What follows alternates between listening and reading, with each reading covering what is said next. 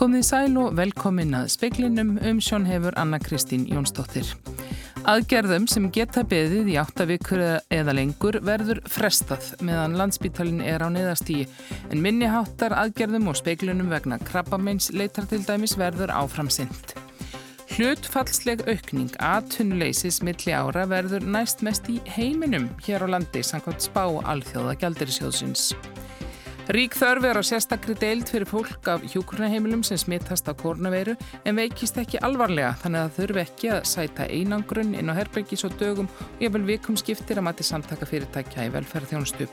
Og það væri réttlátt að umbúna heilbriði starfsfólki sérstaklega fyrir störf í návíi við kornaveiruna eins og gert var í fyrstu bylgu farsóttarina, þetta segja formennfélaga, hjókurnafræðinga og sjúkraliða. Heilbreyðisráþara hefur fallist á fyrirmæli Ölmu Möller landlæknis um að miða við að skurð aðgerðum sem sérfræðilagnar meta geti beðið í áttavíkur eða lengur verði frestað á meðan landsbítalinn er á neðarstíi.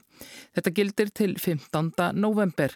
Svo kallar valkvæðar aðgerðir sem verður frestað eru til dæmis hálskirtlatökur, liðskipta aðgerðir og kviðslits aðgerðir en við höfum ákveðið að leifa aðgerður sem er hægt að gera í staðdefingu því að þær eru auðvitað minniháttar og ólíklegt að þær leiði til innlagnar eða koma bráðamáttöku og sömulegir speiklanir sem eru kannski nöðsynlegar ef var grunur um, um greiningu á krabbameini. Þannig að þetta tvent verður leift sagði Alma Möller landlegnir.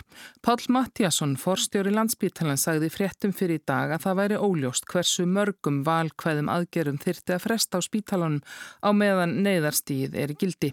Í greiningu landlegnis á bygglistum eftir aðgerum sem byrt var síðdeis kemur fram að það sé óljóst hvaða áhrif faraldurinn hafi til lengri tíma. Þriðja bylgjan var ekki hafinn þegar landlegnis embætti tók nýjustu gogn sín saman.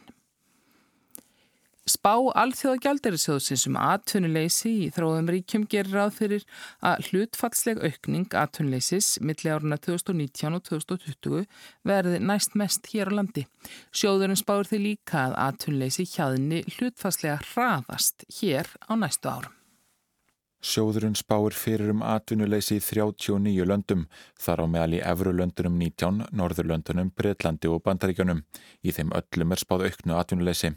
Mesta aukningin verður í bandaríkjónum þar sem spáðir 8,9% atvinnuleysi í ár borið saman við 3,7% í fyrra. Næstmest er aukningin á Íslandi. Samkvæmt spá alþjóða gjaldrið sjóðsins má gera ráð fyrir að atvinnuleysi á Íslandi tvöfaldist milli ára og fari úr 3,6% í fyrra í 7,2% á þessu ári. Þriðja mesta aukningin er í Hong Kong þar sem gert er ráð fyrir að atvinnuleysi fari úr 3% í 5,2%. Atvinnuleysi í Evrulöndunum fyrir að meðaltali úr 6,7% á síðast ári upp í 8,4% á þessu ári. Atvinnuleysi á Norðurlöndunum fyrir 5,6% upp í 6,9%. Mesta atvinnuleysi á þessu ári samkvæmt spá AGS verður í Gríklandi þar sem 50 hver verður án atvinnu og á spáni þar sem gertir á fyrir að 16,8% vinnu af lands verður atvinnulegs.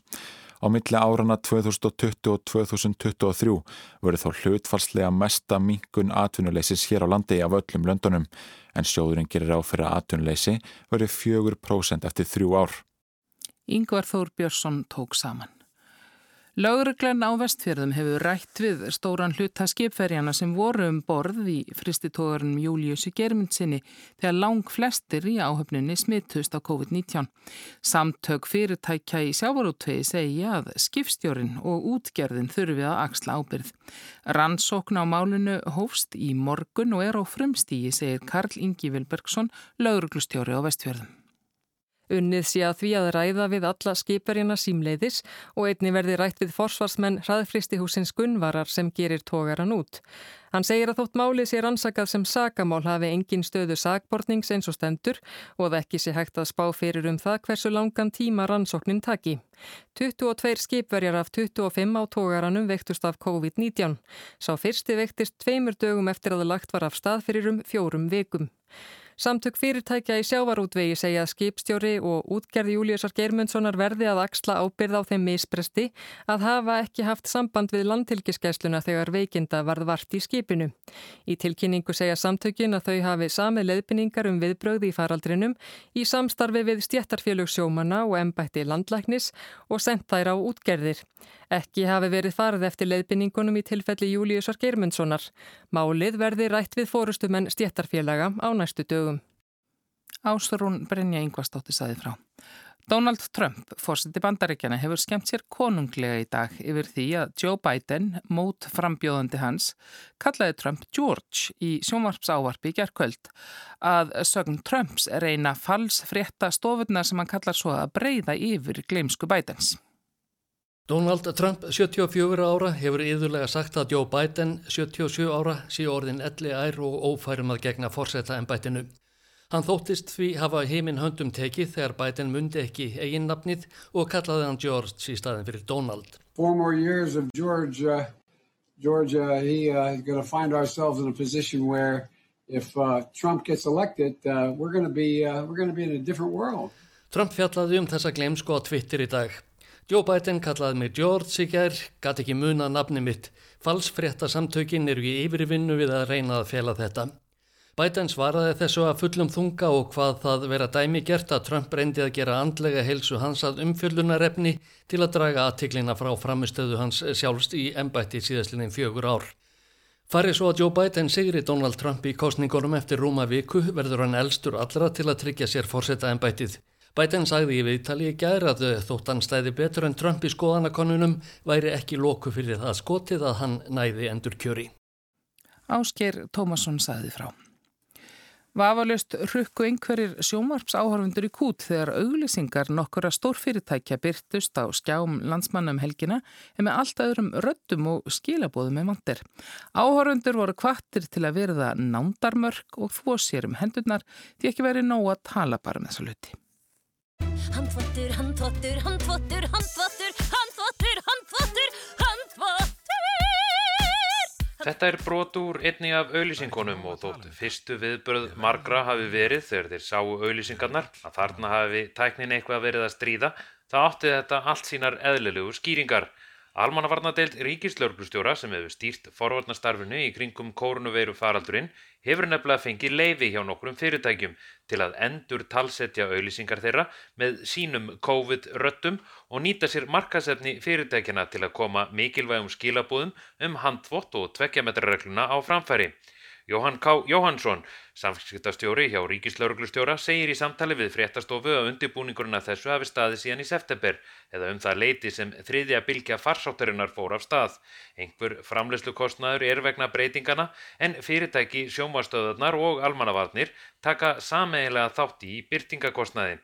Jóhann segir að það verð ekki engöngu lögð áhersla á sjónvarp heldur líka vef útvarp og dagblöð. Hann vonast til að enn fleiri fyrirtæki taki þátt í þessu verkefni. Allra leiða verði leita til að fræða fólkum gagsemi handfótar og tvekkjametrarreglunar í baráttunni við COVID-19. Handfótur, handfótur, handfótur, Handvottur. handfótur. Það er ekki nóg að tala um þetta. Það var Freyr Gíja Gunnarsson sem tók þetta saman.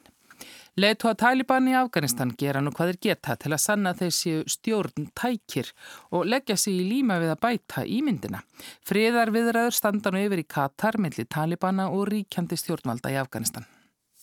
Tilstendur meðal annars að draga upp framtíðar stjórnstjepan Afganistan eftir að Erlend herlið hverfur þaðan á næsta ári.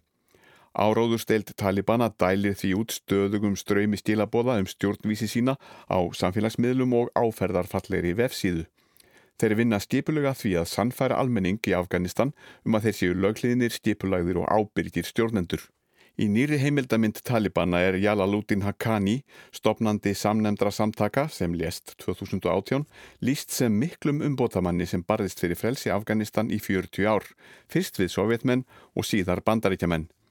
Samtökin eru talin bera ábyrð á miklum grimdarverkum í stríðun í Afganistan og eru nátengd talibönum. Sabihullah Mujahid, talsmaður Talibana, segir í samtali við AFP fréttastofuna að með myndinni eiga sína Haqqani í helgi lóma. Sedik Sediki, talsmaður Asraf Ghani, fórsetta, bendir á ímsar mótsagnir í stílabóðum Talibana. Hann segir að á meðan friðarviðræðum hefur staðið hafi talibanar látið til skara skrýða með árásum gegn saklusum almenningi í landinu, þar á meðal konum og börnum. Í stjórnartíð Talibana frá 1996 til 2001 hafi konum verið refsað fyrir að fara út úr húsi þegar hafi bannað hvers konar skemmtanir og komið á opinbörum aftökum og refsingum af mörgu tægi. Markus Þóraldsson saði frá.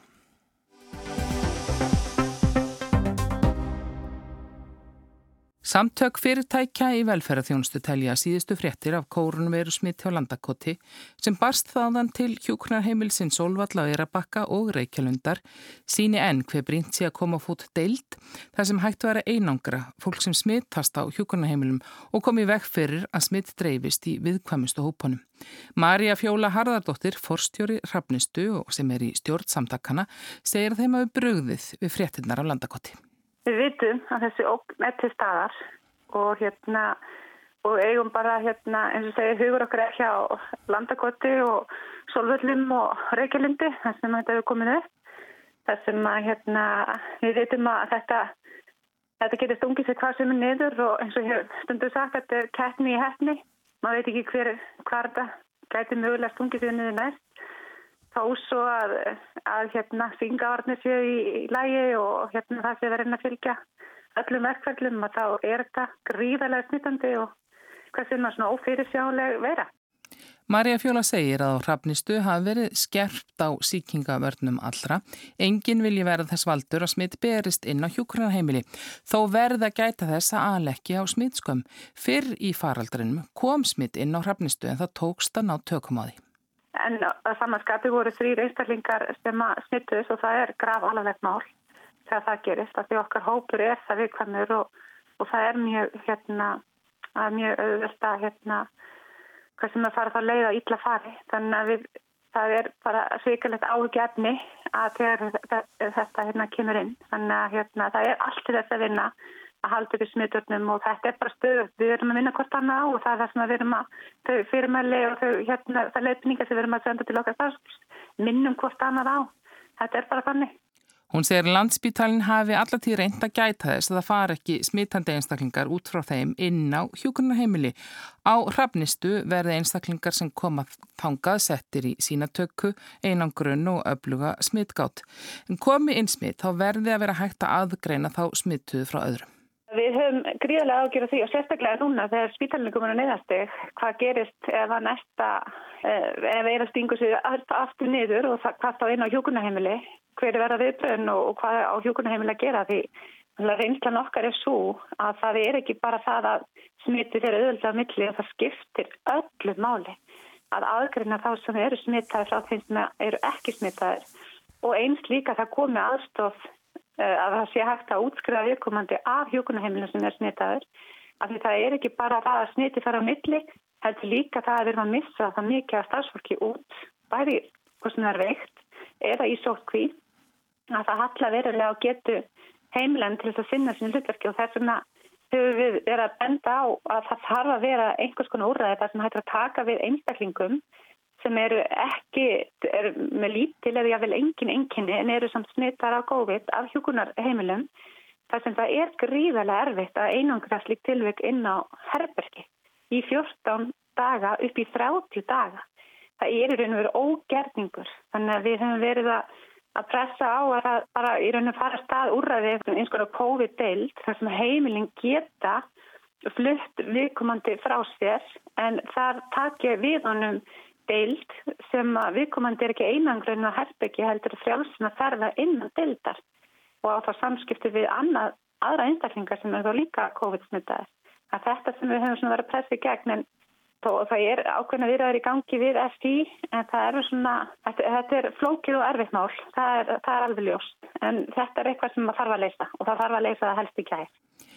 Þegar smitt barst samtímis inn á Ísafold og Sléttuveg, heimil og vegum hrafnistu, þurftum 50 starfsmenn að fara í sótkví. Og þá leituð við í bakvarsveitina en það er, veru, það er ekki, ekki öryggi vegna þess að það, hún er ekki það vel mönnuð en við fengum þar fjóra flotta aðila inn á Sléttuvegin sem að bjargaði okkur algjörlega. Það er lítið tilfelli, maður ágjörði ef, ef þetta verður meira og starra en þetta er erfitt þegar búið að vera í raun og veru stöðugt álag í heilt ár næstu því að hérna það er komin þreita í mannskapin þannig að nú, nú gildir að halda þetta með fólk og, og hérna peppa hvort annað áfram og, og, og leifa sér að líða alls konar og hérna fá stuðning og það er það sem við höfum verið að núna leggja áslá. Sagði Marja Fjóla Harðardóttir, fórstjóri Hrafnistu og stjórnamaður í samtöku fyrirtækja í velferðarþjónustu.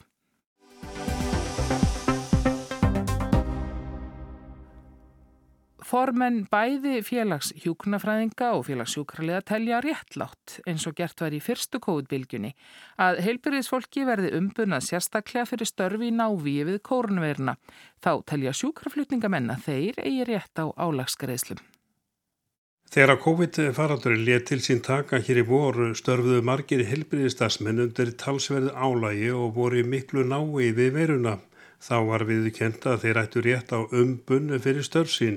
Stjórnvöld ákvaða einum miljardi króna er þið varið til álagsgreisla til handa heilbriði stafsmönum. Greisla til einstaklings gatinu með alltaf 250.000 krónum en þær fór eftir álagi hvers og smittættum.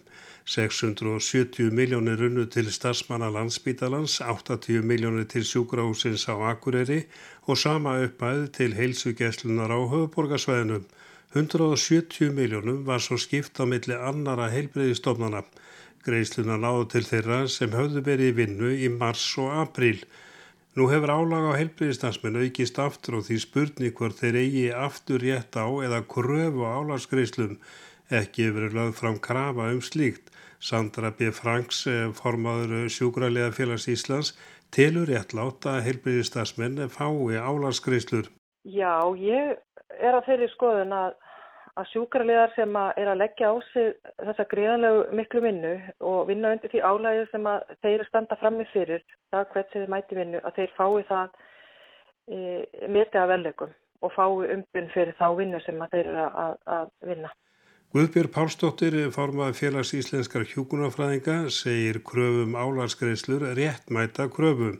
Já, ég tel það. Þó að það sé ekki eitthvað sem við erum að skoða hér og nú í dag, en það eru við að takast á bara við e, mjög alvarlega stöðu sem kom upp á síðustu fjórum-fimm dögum, en, en þá er þetta bara annar eins tími eins og, eins og var í vor og nú þegar hefur komið fram að fólk eins og til dæmi starfsfólkið á landakoti e, það er að vinna og það er að vinna í svo kallar sótkví B e, vinnuna sína og fer síðan heim í sótkví þannig að og eins og kom bara síðan fram á upplýsingafundinum í morgun þar sem að Pál talar um að fólk er að leggja á sig gífurlega mikla vinnu og líka við ómanniskilega var hlægt að fara fram á það við fólk bara til þess að koma og sinna störfunum og geta haldið þjónustinni gangandi.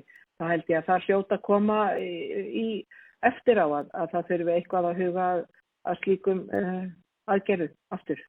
Í fyrirbylginu fóru bæði lauruglumenn og sjúkraflutningabenn fram á álarskreislur en ekkert var þó því.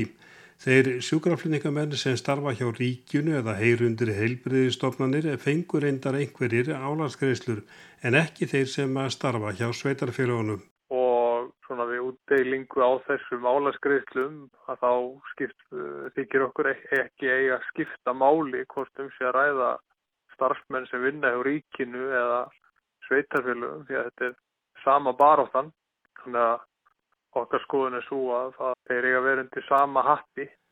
Segir Magnús Smári Smárasson formaða landsambands slökkvilis og sjúkraflutningamanna Í vetur og voru þegar fyrsta bylgjan reyði yfir gerðu líklega fáið sig grein fyrir að faraldurinn yrði enni fullum gangi núna.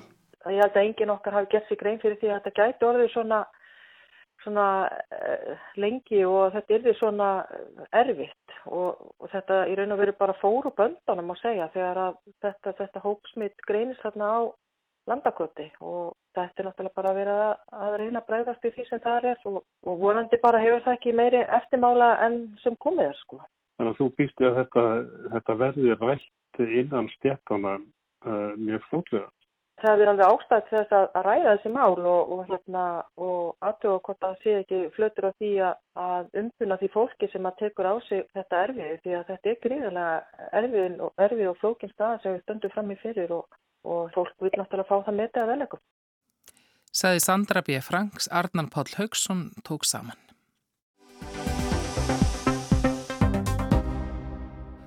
Á pappir verðist kannski ekkit að því að fólk geti fengið ríkisfang gegn fjárfestingu. Í raun hefur þetta verið aðferð fólks með ítla fengið fjö til að kaupa sér ESB ríkisborgarrétt og þar með aðganga öllum Evropasambandslöndunum. Eftir afhjópanir fjölmiðla, nú síðast Al Jazeera sjómarpstöðvarnar, hyggst Evropasambandi taka málið upp við Kýpur og Möldu og hefur varað Búlgari við. Það eru þó mun fleiri lönd þar sem svipað er í bóði. Fyrir nokkrum árum var tíðindamaður speilsins í Lissabon og rakst þar á bandarískan bankamann úr engabanka þjónustu í stórum alþjóðlegum banka. Það eru bara allir að flytja hingað, var bankamanninum orði. Þessir allir voru reyndar ekki allir almennt, heldur átti við bandarískan kunnahóp bankamannsins. Portugal býður auðmönnum án Evrósks vegabrefs að fjárfesta ákveðna upphæði í tilteknum eignum og veitur að móti búsetturétt sem síðan getur orðið ríkisborgararéttur og hliði þá opið til allra ESB-landana.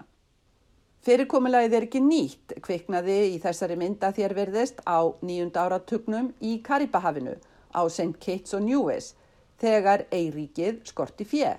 Það slóð þó ekki gegn fyrir enn 2009 að ríkisborgarar þar fengu rétt til að ferðast til Sengenlandana án vegabrefs áritunar. Árið 2014 var gískað á að 14 til 30% af landsframleyslu Eiríkisins kæmi frá þessum fjárfestingum. Mörg ESB-lönd bjóða einhvers konar búsetturréttindi og síðan möguleika á ríkisfangi gegn tiltekinni fjárfestingaupphæð, til dæmis Lettland, Greikland, Spán, Östuríki, Búlgaria, Kýpur og Malta, auk Portugals. Forsenda ríkisborgararéttar í nútíma skilningi er tengsl ríkisborgara og landsins sem veitir réttin neld nýður í alþjóðlum úrskurði 1955. Ríkisborgararéttur gegn fjárfestingu í ESB-landi sprettir þó ekki alltaf að vilja til að tengjast landinu heldur til að geta aðtapna sig hvar sem er í ESB. Á pappirnum eru allstaðar stránga reglur til að hindra að skugga öll með illafengi fjö komist inn, til dæmis krafa um óflekkað mannorð en líka lengi grunur um að reglunum sé misvel framfyllt ímsar frettir í þá veruna. Í sumar byrti Al Jazeera sjónvastöðin frettir um leka 1400 slíkra umsókna á kýpur. Ef markam á skjölinn verðast yfirvöld þar ekki rína mikið í umsækjendur og hvaðan fér þeirra kemur. Undanfarið hefur stöðin svo byrt frekara efni. Frettamenn þóttust fulltrúar kínverja sem hefði flúið heimalandið vegna fjármálamisferðla og síðan dæmdur í fjárfuru sinni í sjórafangelsi fyrir peningaþvætti og mútugreðslur. Ekkert mál með réttu sambundunum, sögðu kýpversku milligöngumennir sem buðu líka vegabref með fölsku nafni. Fastegnasali á kýpur, Tony Kay, sérhæfir sig í að selja allt í einum pakka fjárfestingu og vegabref. Um annan viðskiptavinn með flekkað mannorð, sæði Kay, Okkur tókst í gegnum sambönd Chris að brjóta alla reglurnar. We managed through Chris's connectivity to break all the rules.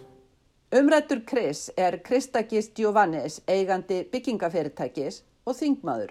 Fasteignir og fasteignafjárfestingar Giovannis gerðnan tengst erlendum fjárfestingum gegn vegabrefi og samböndin náðu lengra. I cannot say 100% but I say 99%.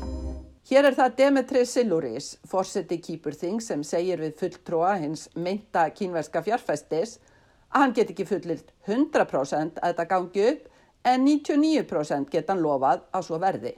Siluris og Giovannis hafa sagt af sér þingmennsku.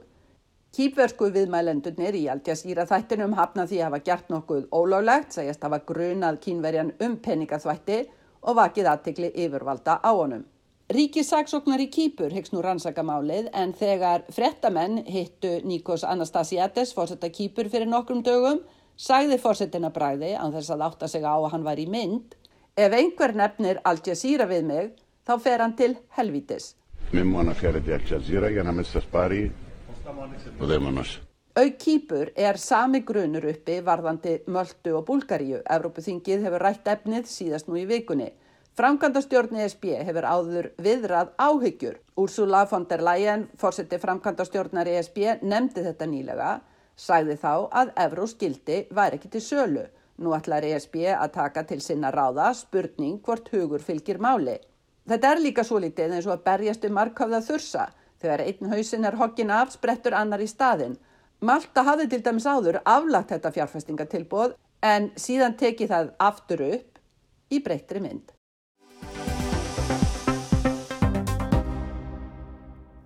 Norska stórþingið var reyðubúð að samþykja nýjan pakka af reglugerðum frá Evrópusambandinu þegar stjórnarandstaðan náði óvænt meiri hluta og sendi máli til hæstaréttar og að meðan beðið er úrskurðar dómarana er pakkin í fristi.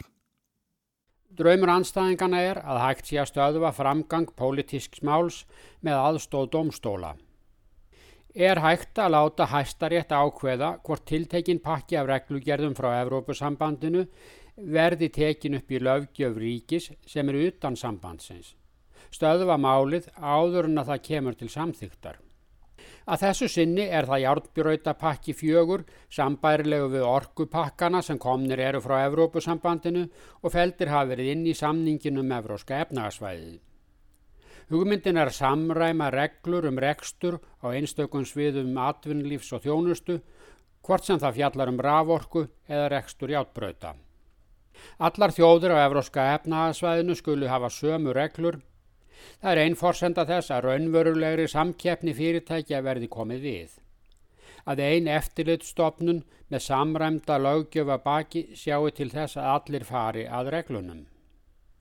Hér í Noregi hafa orkupakkar í ESB sætt gaggrinni og játbröytarpakkar sambandsins ekki síður. Núna likur fyrir stórþingin að samþykja játbröðapakka fjögur sem felur í sig samræmingu og áreikiskröfum að samræmdir staðlar tryggja að allir geti kæft í aft þegar rekstur á játbröðum er bóðin út. Nú lítur út sem meiri hluti sé á stórþinginu fyrir að samþykja pakkan rétt eins og varum orkupakkan í fyrra. Hæri flokkur Ernur Solberg fósættisráþar er eindreið með málinu og er það raunar eini flokku landsin sem óskiptur teldi að norðmönnum væri best borgið innan Evrópusambandsins. Verkamannaflokkurinn í stjórnar anstuði líka með og ekki nema græningjar, sósialistar og miðflokksmenn eindreið á móti, en þeir eru miklu minniluta. En anstæðingarnir hafa ekki gefist upp. Nú er búið að stöðva afgreðslu málsins og senda það til hæstaréttar til umsagnar og úrskurðar. Stjórnaskráin heimilar að stórþing skjóti máli til hæstaréttar ef skera þarf úr um álitamál. Og nú er álitamálið hvort járbröðapakki fjögur fer í sér verulegt framsaldvalds eða óverulegt. Þetta skiptir öllu máli. Ef hæstiréttur segir að pakkin sé verulegur að innihaldi þarf aukin meiri hlut á þingi til að fá hann samþyktan. Og aukin meiri hluti hér þýðir þrýr fjórðu atkvæða. Þar með væri pakkin fallin. Núna reynir á hugar leikni dómar í hæstarétti að metja hvað er óverulegt og hvað er meira en óverulegt. Raunar kom það óvart að meiri hluti myndaðist á þingi um að senda hæstarétti þessa spurningu. Ríkistjórn Ernu Solberg er minnilhutastjórn en nýtu stuðning framfaraflokksins sem áður var í sjö ári ríkistjórninni hjá Ernu. Núna ákvaðu framfaraflokksmenn að snúast gegn stjórnin í þessu einstaka máli. Þar með var stjórnaranstaðan komin í meiri hluta til að baka ríkistjórninni vandræði. Í átpröytabakkanum fælst meðal annars að eftirlit með brautónum verður frá Brussel og norðmenn hafa aðeins áheirnar fulltrúa í eftirlitsnemdini. Þeir hafa þar ekki atkvæðisrétt. Hæstiréttur þarf að svara hvort það sé mikið eða lítið framsal valds. Með fyrir játbröytarpökkum hefur rekstur sjálfvara brautana og rekstur játbröytar lesta verið aðskilinn og samkeppni í rekstri er byrjuð. Nú bætist við að leifi til rekstrar verða hljóta samþykki í Brussel. Anstæðingar járbrötapakkans sem engum hafi verið þingmenn sósialiska vinstirflokksins hafa fengið aðra stjórnaranstæðinga í lið með sér að skjóta málinu til hæstaréttar og þar með að stöðva afgreðsluna um tíma. Rök sósialista eru, auk óta við framsarlvalds, Þau að þjóðin hafi í meirin 150 ár byggt upp í ártbrötakerfi landsins, lagt brautir með ærnu erfið og kostnaði um fjöll og dali og nú eigi að afhenda allt útlendingum. Þar auki hafi samkeppni í rekstri ártbröta til þessa ekki bætt þjónustu við almenning. Gísli Kristjánsson saði frá. Það verður austan strekkingur á morgun, hvasviður eða stormur siðst, skúrir eða jélum landið austanvert en bjart vestan til, hiti 1-7 stig. Það er ekki fleira í speklinum, tæknimaður í kvöld var Mark Eldredd, veriði sæl.